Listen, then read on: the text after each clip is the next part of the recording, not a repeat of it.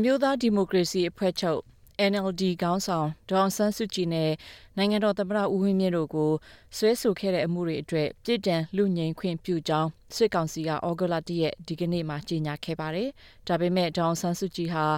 ဆွဲဆိုခံထားရတဲ့အမှုပေါင်း16မှုရှိပြီး စုစုပေါင်းထောင်ဒဏ်33နှစ်ကြာခံရတဲ့အတွက်အခုလိုထောင်ဒဏ်ထပ်လျှော့ပေးလိုက်တယ်ဆိုပေမဲ့ထောင်ဒဏ်20ကျော်ကျန်ရှိနေတော့မယ်လို့သိရပါတယ်။သမရဦးဝင်းမြင့်ဟာလည်းအမှုရှိမှုနဲ့ထောင်ဒဏ်12နှစ်ချမှတ်ခံရတဲ့အတွက်အရင်ကရှော့ပေါ်မှုနဲ့ဒီတစ်ကြိမ်ရှော့ချမှုကိုထည့်တွက်ရင်တော့ထောင်ဒဏ်8နှစ်ကျန်နေစေဖြစ်တယ်လို့မြန်မာနောင်သတင်းမှာဖော်ပြထားပါတယ်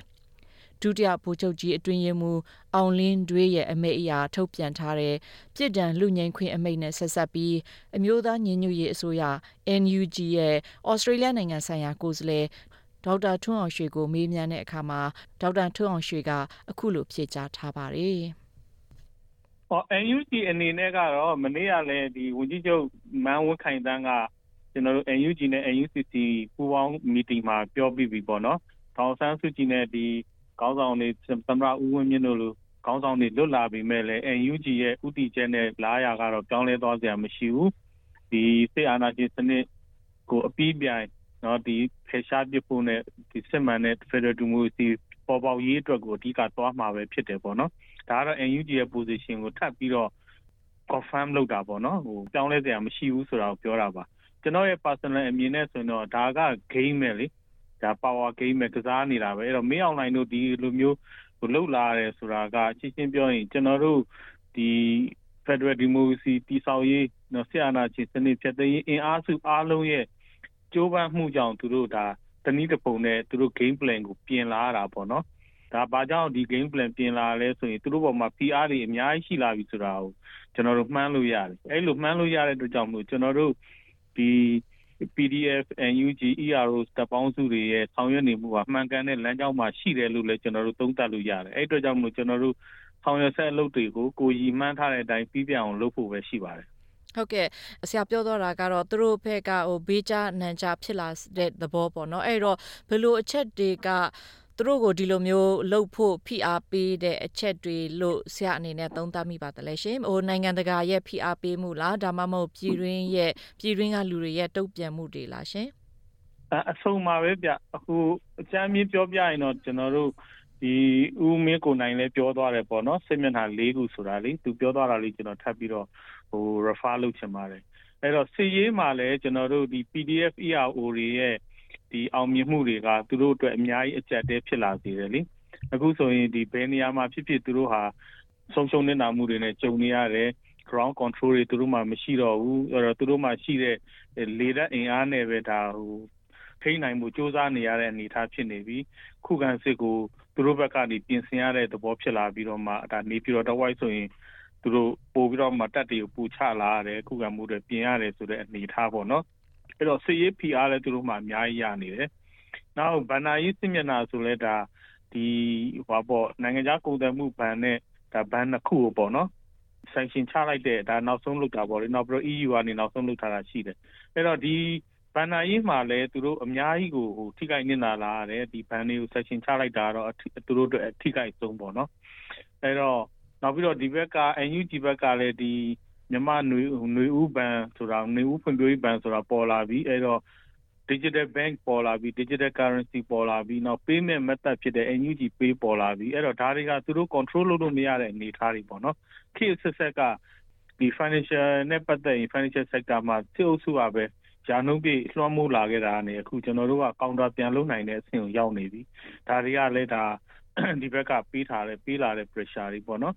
နောက်ပြီးတော့ ဒီနိုင်ငံတကာနိုင်ငံခြားရေးဆိုလဲဒါသူတို့နိုင်ငံခြားရေးမှာအများကြီးကိုသူတို့လူလုံးမလားဖြစ်နေတာလေသူသဖြင့်ကုလသမဂ္ဂဆိုလဲဒါကျွန်တော်တို့တာမကြီးဥကြော်မှုထွန်းရဲ့ဒီတင်ပြချက်တွေကအများအားရှိနေတယ်။နောက်အာဆီယံမှာဆိုလဲဒါထင်ထင်ရှားရှားပဲသူတို့ဒီမေးအောင်လိုင်းကိုဒါခေါင်းဆောင်နေရဲ့အစည်းအဝေးတွေမှာဖိတ်ကြားခြင်းမပြုတော့ဘူး။နောက်လည်းဖိတ်ကြားမှာမဟုတ်ဘူး။သို့တော်လည်းဒီအလွတ်သဘောလီနဲ့တော့ဟိုတွေ့ချင်းတွေ့ဦးမယ်ဆိုတဲ့အနေအထားမျိုးလောက်ပဲရှိတော့တယ်ပေါ့နော်။အဲ့တော့နိုင်ငံခြားရေးရမှာလည်းဒီလိုတွေဖြစ်နေတယ်ပေါ့နော် ဆိုတော့နောက်တစ်ဖက်ကလည်းဒီဥပဒေပိုင်းဆိုင်ရာမှာဆိုလဲကျွန်တော်တို့ဘက်ကသူတို့ရဲ့ဒီစစ်ရာဇဝတ်မှုတွေအတွက်ကိုဒါ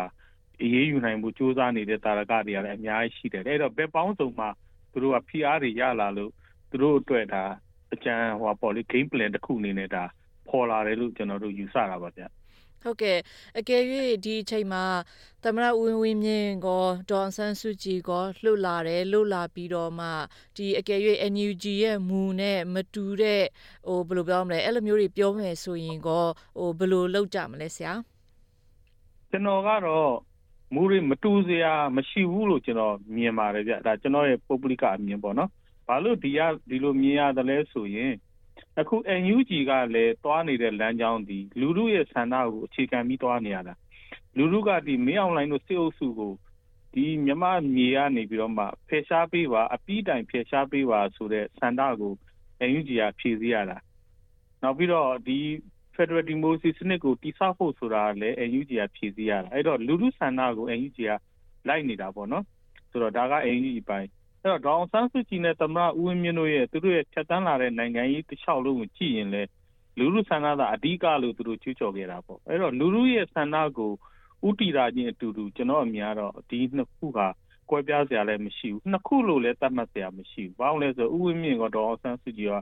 NUG အစိုးရဖွဲ့ရဲ့သမ္မတနဲ့နိုင်ငံတော်အတိုင်ပင်ခံပုဂ္ဂိုလ်အနေနဲ့ကျွန်တော်တို့အစိုးရဖွဲ့ထဲမှာရှိနေတာဖြစ်ပါတယ် ဟုတ်ကဲ့ဆရာနောက်ဆုံးတစ်ခုကဟိုစစ်ကောင်စီဘက်ကပြောထားတာကသူတို့ကလည်းအရင်ကတည်းကဟိုရွေးကောက်ပွဲတွေကျင်းပမယ်ဆိုတာမျိုးတွေပြောနေတာပေါ့နော်အဲ့တော့မကြခင်မှာများရွေးကောက်ပွဲကျင်းပမယ်လို့ဘာလို့ပြောမယ်ဆိုရင်ဆရာတို့ဖက်အနေနဲ့ရောဘယ်လိုမျိုးတုံ့ပြန်ဖို့ရှိပါသလဲရှင် NUG ကဒီ position ကလုံးဝရာနှုန်းပြည့်ပြတ်သားထားပြီးသားပါ NUG ရဲ့ position ပါလဲဆိုတော့2008ဖွဲ့စည်းပုံအခြေခံဥပဒေကိုကျွန်တော်တို့ပယ်ဖျက်ပြီးပြီ အဲ့တော့2008ဖွဲ့စည်းပုံအခြေခံဥပဒေပေါ်မှာထိုင်ပြီးတော့စကားပြောရတာတွေလုံးဝလုံးမှာမဟုတ်ပါဘူးအဲ့တော့စစ်အုပ်စုကရွေးကောက်ပွဲဆိုတာကိုခြေလှမ်းလှမ်းမယ်ဆိုရင်လည်းဒီရွေးကောက်ပွဲဟာကျွန်တော်တို့အဆင့်ဆက်နှစ်ဆင့်ပါတဲ့ဒီနိုင်ငံရေးလမ်းပြမြေပုံမှာပါတဲ့ဖွဲ့စည်းပုံအခြေခံဥပဒေအစ်စ်ကိုเนาะတိုင်းပြည်ပြည်လွှတ်တော်ကနေပြီးတော့ရေးဆွဲပြီးတော့မှဒီလူလူဆန္ဒခံယူပွဲနဲ့အတီးပြုတ်ပြီးတဲ့နောက်မှာဒီအတီးပြုတ်ပြီးတဲ့ဖွဲ့စည်းပုံအခြေခံဥပဒေဒေအရာ ဆောင်ရွက်မဲ့ရွေးကောက်ပွဲကိုပဲကျွန်တော်တို့လက်ခံမှာဖြစ်ပါတယ်အဲ့တော့ကျွန်တော်တို့လမ်းကြောင်းကရှင်းပါတယ်အဲ့တော့စစ်တပ်ကဒီ2008ကိုဆွဲကင်နေသေးတာကျွန်တော်တို့ ਨੇ ဘလို့မှညှိနှိုင်းလို့ရမှာမဟုတ်ပါဘူးကျွန်တော်တို့ကလည်းလက်ခံညှိနှိုင်းမှလည်းမဟုတ်ပါဘူးဟုတ်ကဲ့ပါရှင်ဒေါက်တာထွန်းအရွှေအခုလိုမျိုးဖြစ်ကြပေးတဲ့အတွက်အများကြီးကျေးဇူးတင်ပါတယ်ရှင်ဟုတ်ကျွန်တော်လည်းကျေးဇူးအများကြီးတင်ပါတယ်ခင်ဗျာ